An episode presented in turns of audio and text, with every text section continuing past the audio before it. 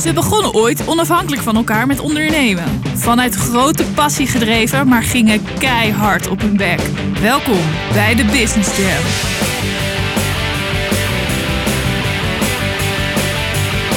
De podcast die gaat over pijn en passie bij ondernemen. En uh, vandaag hebben we te gast uh, de medeoprichter van de Business Jam, Jeroen Gemelig. Goedemiddag, avond, wanneer je ook luistert.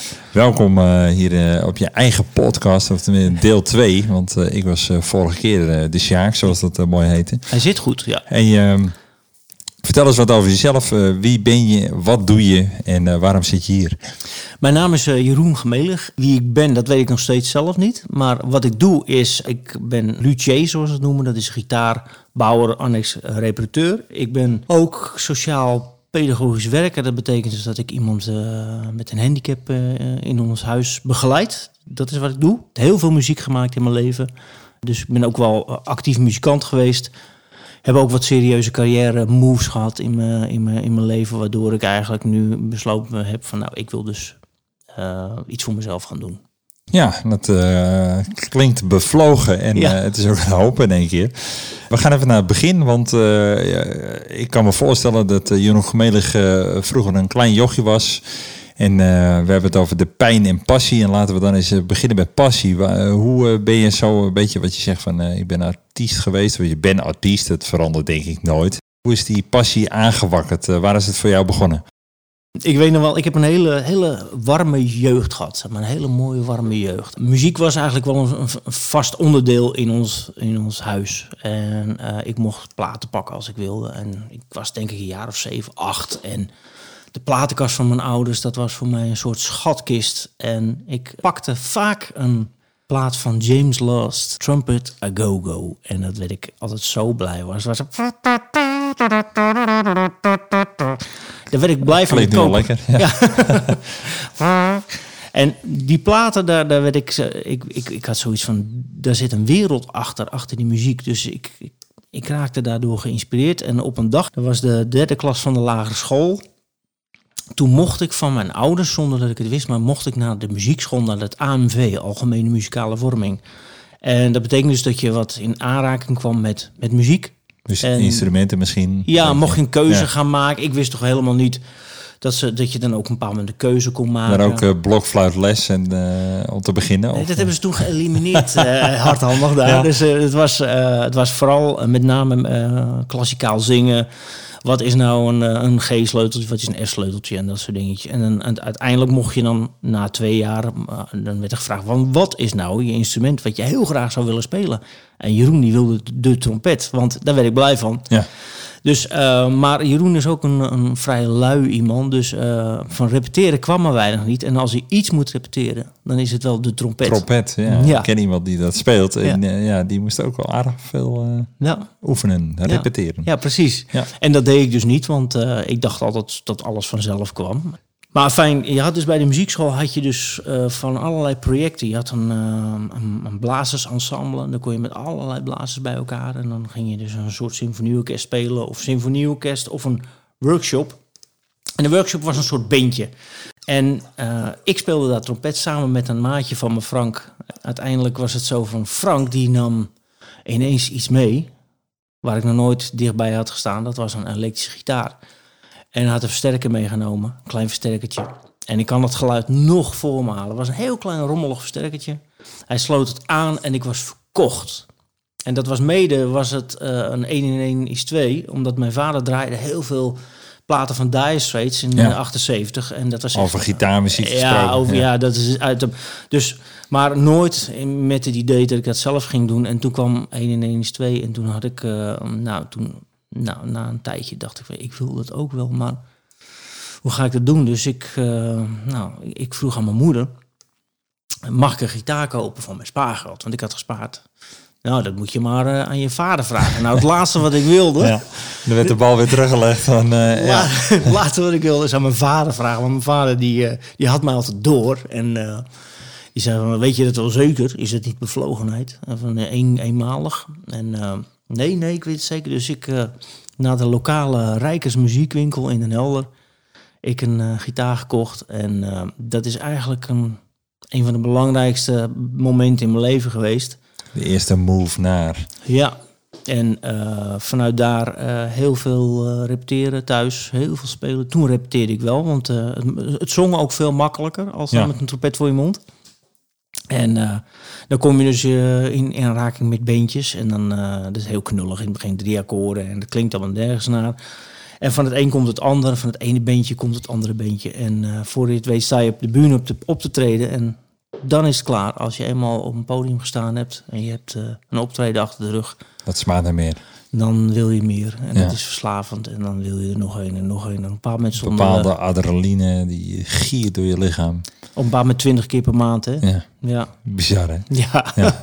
Meer dan vol tijd sta je daar te knallen op het podium. Ja. Ik ja. moet eerlijk zeggen dat ik nog wel eens onderschat heb uh, wat het teweeg brengt. Uh, ik dacht dat die artiesten drie kwartier spelen, een kwartiertje pauze. Nou, waar gaat het over bij spreken? Maar uh, het is wel echt gewoon leveren, hè? Het is gewoon puur op het toppen van je kunnen presenteren en je moet iedereen maar meekrijgen. Dus uh, ja. ja, petje af. Uh, en je, zo ben je dus een beetje begonnen en uiteindelijk uh, ben je een beetje doorgebroken of hoe moet ik dat zien? je hebt diverse bandjes gehad of was je daar leading in?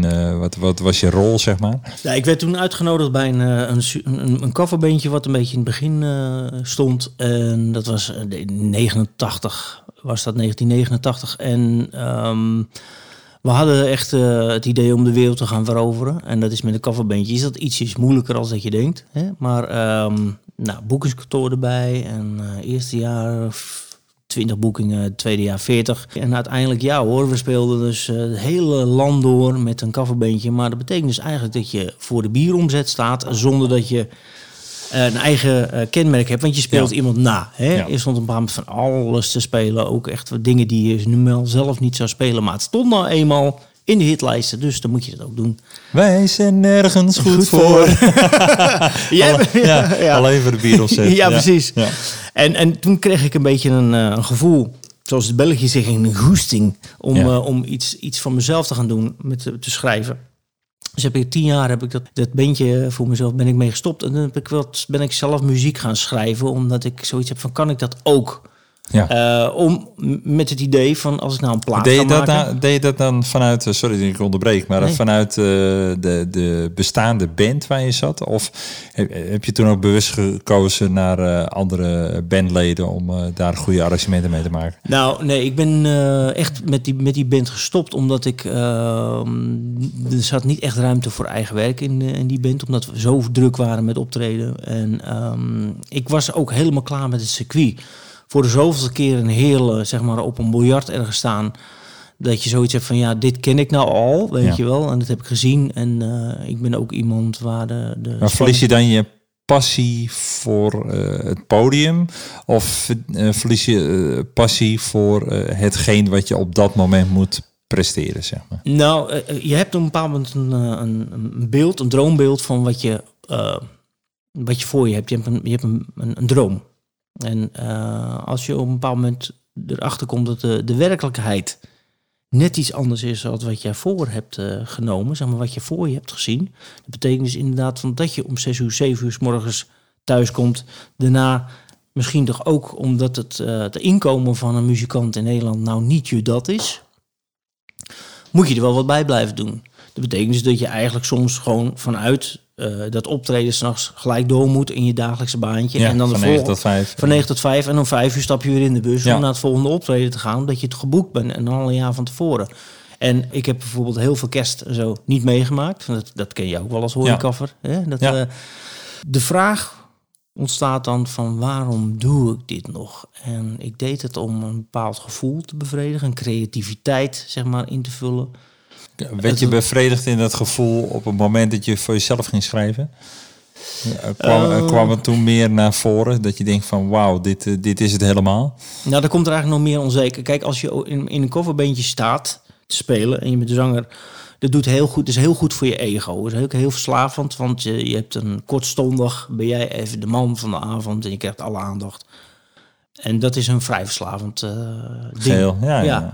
Maar eh, dat probeer je dus te bereiken door je eigen liedjes te schrijven. En dan, eh, dan schrijf je je eigen liedjes. En dan, dan zijn de reacties niet zoals je gewend bent. Want je wordt niet geboekt, want eigen werk verkoopt niet. Nee. Dus dan ga je dus jezelf afvragen, doe ik het dan wel goed? Ja, je moet er een hoop geluk hebben, denk ik. Ik denk dat het een wereld is van ontzettend veel netwerken. En dat je maar net bij het juiste netwerk moet opvallen. En je geeft dus aan hoe, hoe je begonnen bent. En op een gegeven moment ga je doorpakken naar eigen werk.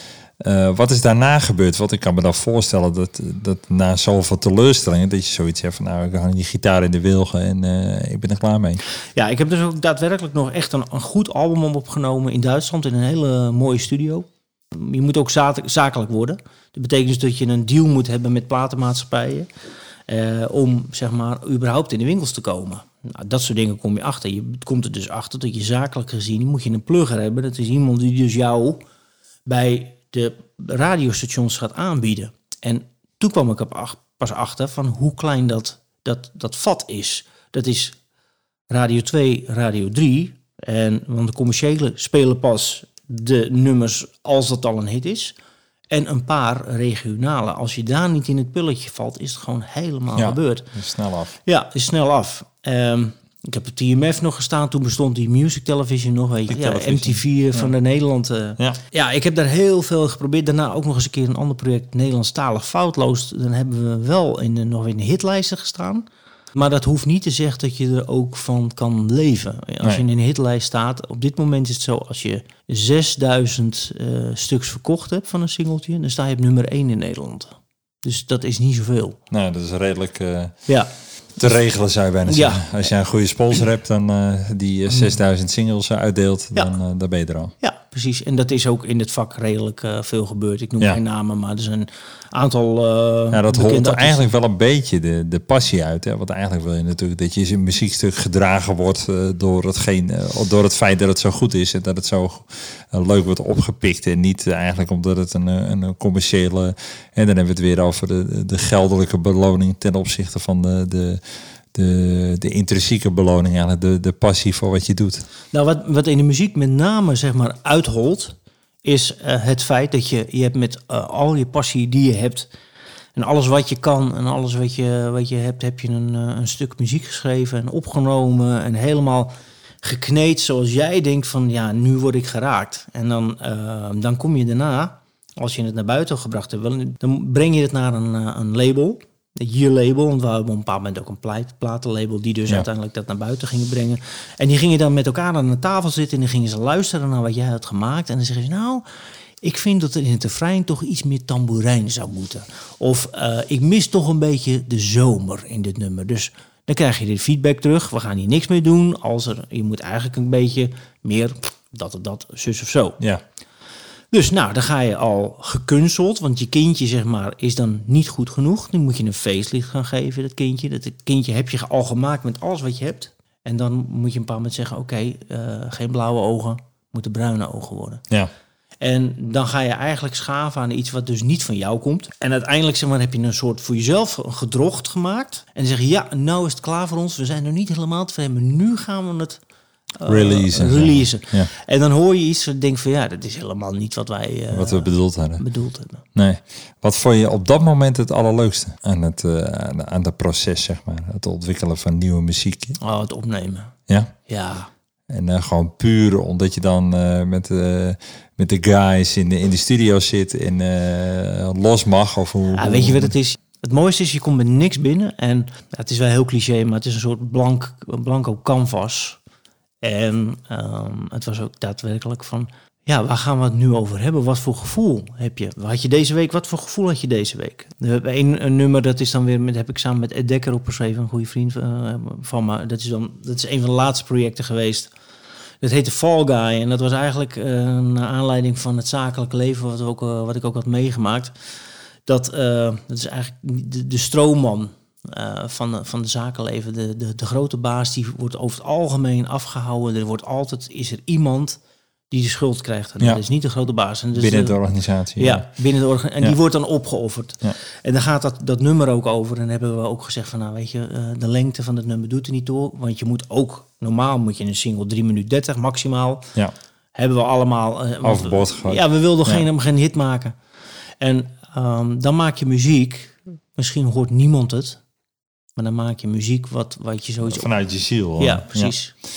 En, je, en ehm, als je nou vraagt naar je passie en eh, hoe je dat eh, dagelijks kan gebruiken in je werken en in je leven, wat, wat, hoe kan je dat het beste omschrijven zelf? Wauw. Ja? Dat is een beste vraag. Is dat is eigenlijk denk ik, ik denk dat hier iedereen mee bezig is dagelijks. Ja, zeg maar, je, je, je hoort natuurlijk heel veel over, zeg maar, medewerkers of mensen die gewoon naar hun baan gaan. Hè. Ik hoorde laatst cijfers uh, dat 70% uh, van de mensen gewoon niet op een plek zit of in ieder geval met frisse tegenzin naar het werk gaat. Eigenlijk niet helemaal gelukkig zijn in een bestaan. Dat zijn wel schokkende aantallen. Ja. Maar ja. goed, jij, je bent zelfstandige, hè, om maar zo te zeggen. Je kan, dat was ik niet. Ja, je kan doen en laten wat je wil. Ja. Maar, maar hoe gebruik jij je passie voor muziek? Denk ik in eerste instantie in je dagelijks leven. En uh, hoe sta je er nu in? Na alles wat je hebt uh, ja. doorgemaakt. Nou, ik denk dat wel de passie het leven aan zich is. Um, want voordat ik besloot dat ik zelfstandig werd, uh, toen had ik een, een goed betalende baan als marketing en sales manager bij een internationaal opererend bedrijf. En ik had een, een beste account. Dat mag je wel zeggen. Ik had dat tot mijn pensioen echt gewoon goed kunnen blijven zitten. En het enige wat er zeg maar steeds minder werd, dat was ikzelf mijn eigen ik, zeg maar, mijn, mijn, mijn creativiteit, mijn enthousiasme. Die passie is denk ik geen dag gemist willen hebben zonder dat ik erbij ben geweest. Nou ja, bijvoorbeeld, ik ben ooit uitgedaagd geweest in mijn vak als gitaarbouwer. Uh, toen werd ik gebeld door uh, iemand die wees een enorme fan van de Rolling Stones. Ja. Die zei van, kan jij voor mij een gitaar nabouwen en waar Keith Richards op speelt? Ik zei, nou, dat moet in principe wel lukken. En je, je, had wel eens een foto gezien. Nou, nee, nog niet eens. Want ik, ik had helemaal niks met de Rolling Stones. Nee. Dat, dat, nou ja, ik had wel eens een keer wat dingen voorbij zien komen. Nee, je maar... bent of Dire Straits of Rolling Stones. Ja. of uh, oh, nee, wat is het? De Beatles of de Rolling Stones? ja. Dat is een beetje de... Frans Brouwer of ja. Frans Duits. Ja. Ja, precies. Maar, uh, dus ik zeg, stuur maar wat foto's op. En uh, kijk, we hebben het erover. Hè? Mooi. Ja, ja, mooi. Hè? Wat staat erop? Een gitarenverschuif hier. Maar toen stelde hij de, de cruciale, het cruciale ding, zei hij van ja, maar dan moet jij er ook voor zorgen dat de gitaar bij Keith Richards terechtkomt. Hij was al, geloof ik, al 30, 40 jaar bezig om een brief bij de Stones te krijgen, maar die komt gewoon niet aan. En ik hou wel eens een keer van, uh, van dingen die, uh, ja, waar je van zegt van dat, dat, nou, dat is onmogelijk. Het onmogelijke waarmaken, dat vind ik nog wel een leuke trigger, zeg maar. En toen zei ik van nou, dat ga ik in ieder geval proberen. Uiteindelijk heb ik dat dan, nou ja goed, uh, je kan dat ook op internet terugkijken, want dan ga ik dat verhaal niet nog een keertje doen. Het is inderdaad ook gelukt. Om... Het is een uh, bijzonder project uh, geworden. Absoluut. Ja. En heb je eigenlijk je passie overgebracht naar een van de grootste gitaristen ter wereld. Letterlijk en figuurlijk. Terwijl dat, ik heb me laten vertellen dat de Rolling Stones beter beveiligd worden door, dan bijvoorbeeld een president van Amerika. Ja. Uh, dat is inderdaad een bijzonder verhaal. Maar dan kan je zonder passie, als je geen passie hebt, zeg kom maar, je nooit zo ver. Dan kom, nou, dat is onmogelijk. Ik heb een keer een boek gelezen, en uh, een van de weinige boeken, zeg maar. ja, en daar stond in van uh, als je iets wil en je wil het echt, als je het echt, echt, echt wil, dan kan het soms pijn doen. Dan wil je het zo graag dat het pijn ja. doet. En uh, dat was bij dat verhaal ook zo, want ik denk dit is gewoon niet mogelijk. Maar hoe ver kan ik gaan? Hoe ver? En dan moet je echt alle grenzen die je hebt, want je gaat jezelf natuurlijk vertellen van dit is dit. Hoe ga je dit doen? Ja, dit klopt niet. Dit klopt niet, nee, kan niet, gaat tegen niet. de haren instrijken en uh, ja. En dan heb je zoiets van, ja, waar ben ik nou mee bezig? En uiteindelijk weet je wel waar je voor bezig bent. En dan lukt het toch. Ja. Ja. En um, stel nou dat je hetgene wat je nu doet, dat je daar totaal niks aan overhoudt. Dus geen beloning. Zou je dan even goed blijven doen?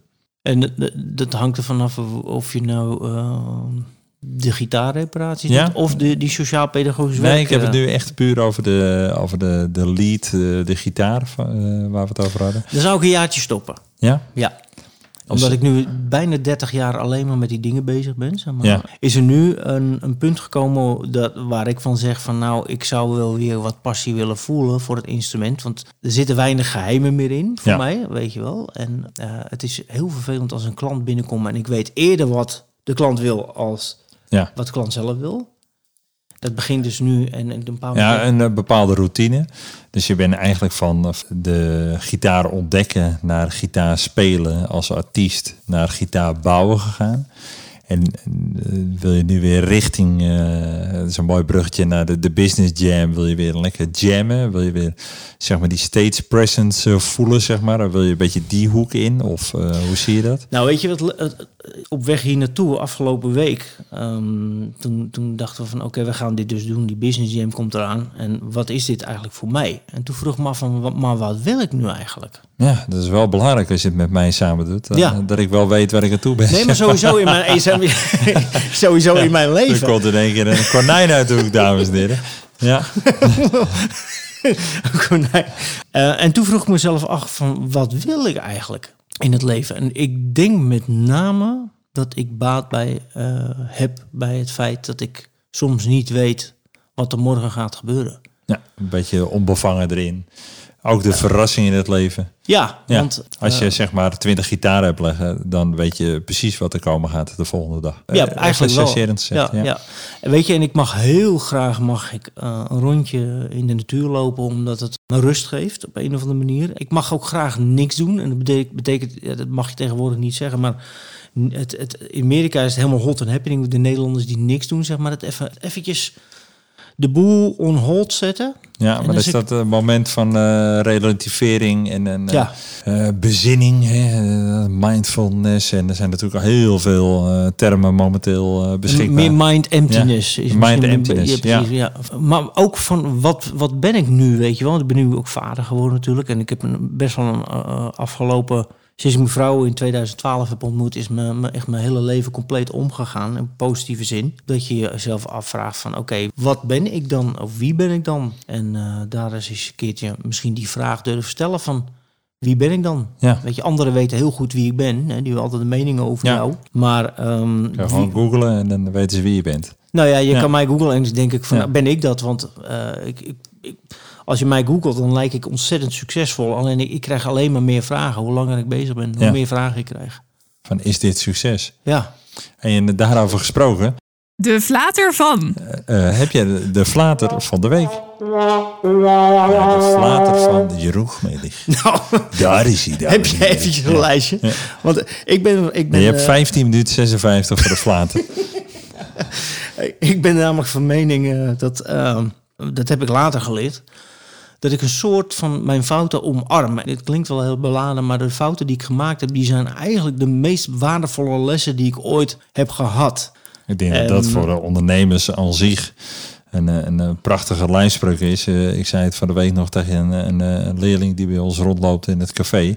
Van, uh, hij zegt, ik heb een, een grote fout gemaakt. Dus ja, dan heb je in ieder geval wat geleerd vandaag. Ja. Dus dat hij me zo vragend aan te kijken. En dan heb ik het later een beetje uitgelegd. Dus uh, het is natuurlijk een, een dooddoener van, van fouten leert men. Maar goed, ja. als je goed fouten maakt, dan kan je ook veel leren. Ja. Waar, dan laat ik de vraag anders stellen. Dames en heren, Jeroen Gmiddig. Waar heb jij een hoop van geleerd de afgelopen periode? Ik heb uh, van mijn flaters heb ik enorm veel geleerd.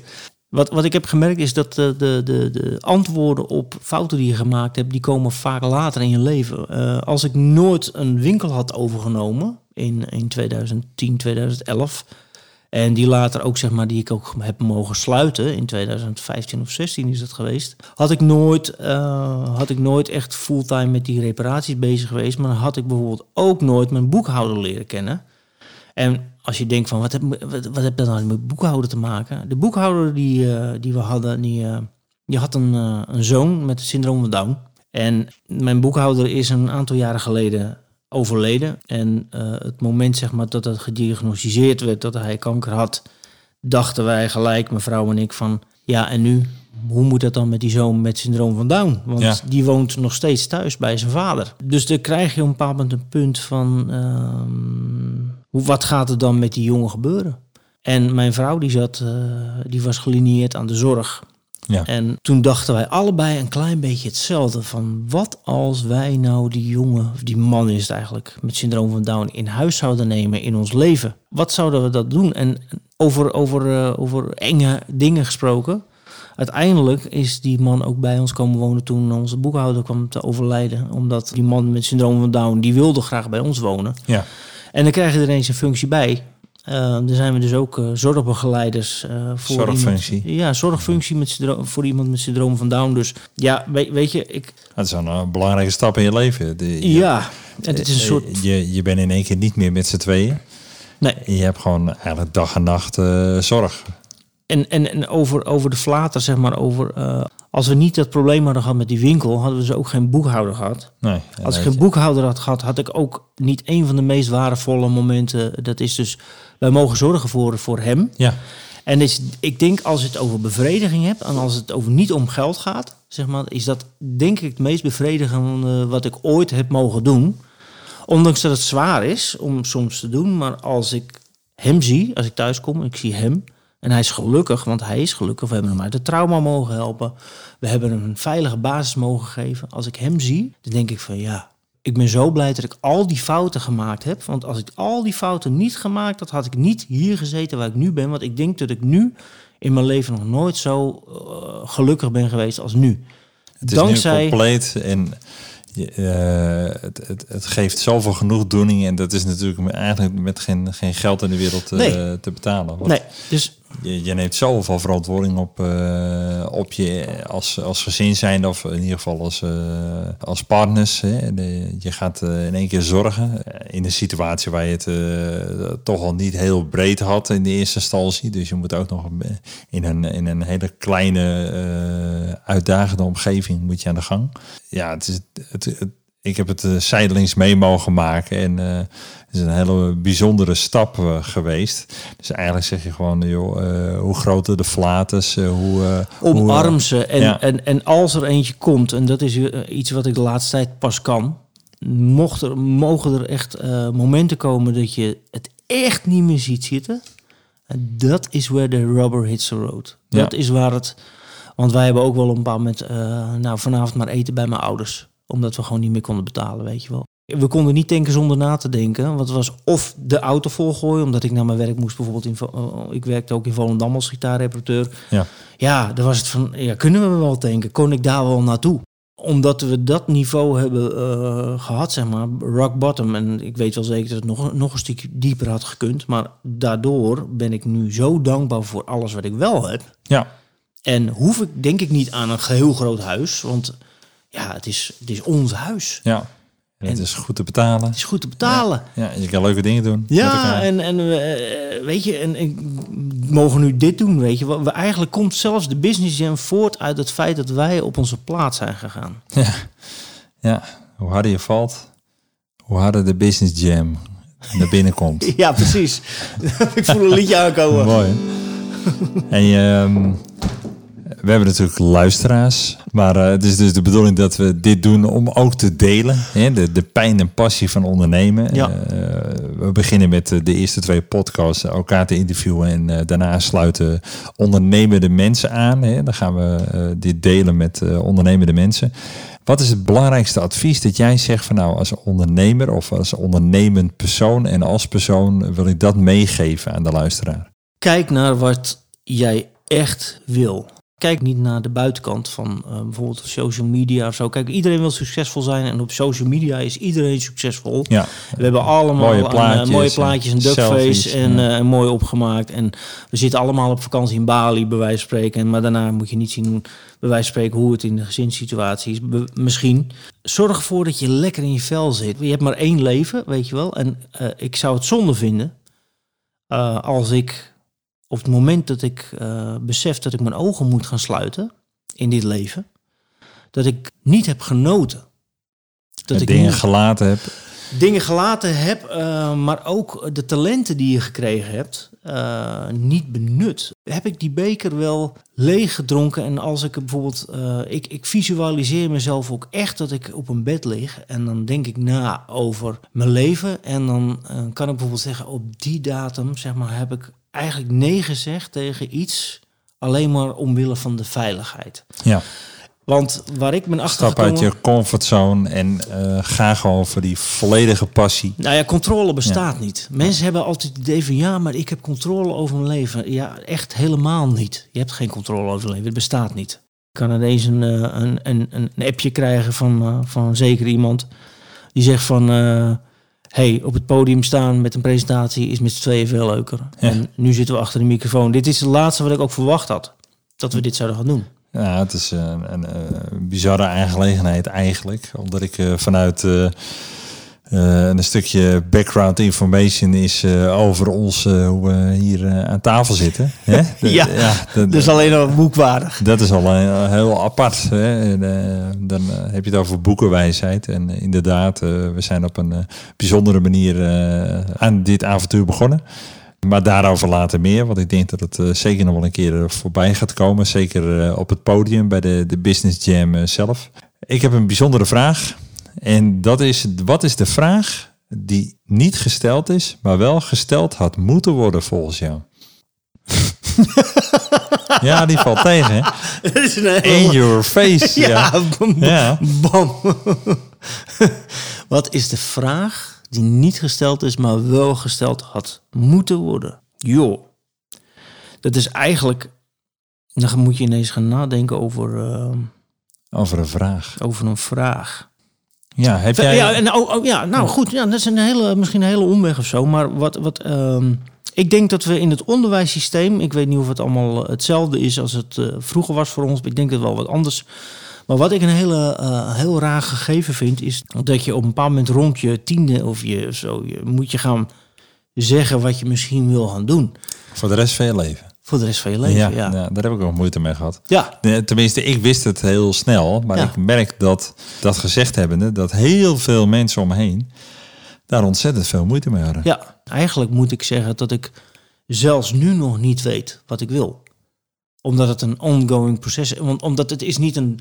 Ik ben niet met een doel bezig. Ik ben een, op een pad. Ik Ja. ben onderweg. En on- onderweg kijk ik naar. Oh, dit vind ik een mooi Je uitzicht. bent Hier een, blijf ik eh, zeg maar een, een, een reis aan het maken. En je neemt Ja. gewoon diverse afslagen Ja, om te kijken, om daar te ontdekken van, hey, is dit leuk? En dat zou misschien een einddoel kunnen zijn. Maar het doel is niet zaligmakend. absoluut niet. Nee. Nee. En ik denk dat het wel goed is. Maar de vraag zou dus kunnen zijn: heb jij volledig gebruik kunnen maken van de mogelijkheden die het onderwijs heeft geboden in het verleden? Absoluut niet. Ik heb eigenlijk gebruik ik misschien 10, 15 procent van eh, wat ik. Ik heb een elektrotechnische opleiding en ik heb een werktuigbouwkundige opleiding gehad. En voor de rest eh, heb ik televisiewerk gedaan. Eh, ik heb mezelf aangeleerd hoe ik een gitaar moet bouwen, zeg maar. Maar ik ben een slechte leerling. Ik, ik heb iets met lezen. De informatie die op papier zit, kan ik slecht omzetten in, eh, in mijn hoofd. Dus ik moet heel veel eh, visueel eh, voor mezelf maken. Bedoel beeld of zo. Ik heb het denk ik het meeste geleerd van de periode voor opleidingen. Want mijn ouders waren erg, lieten me veel spelen.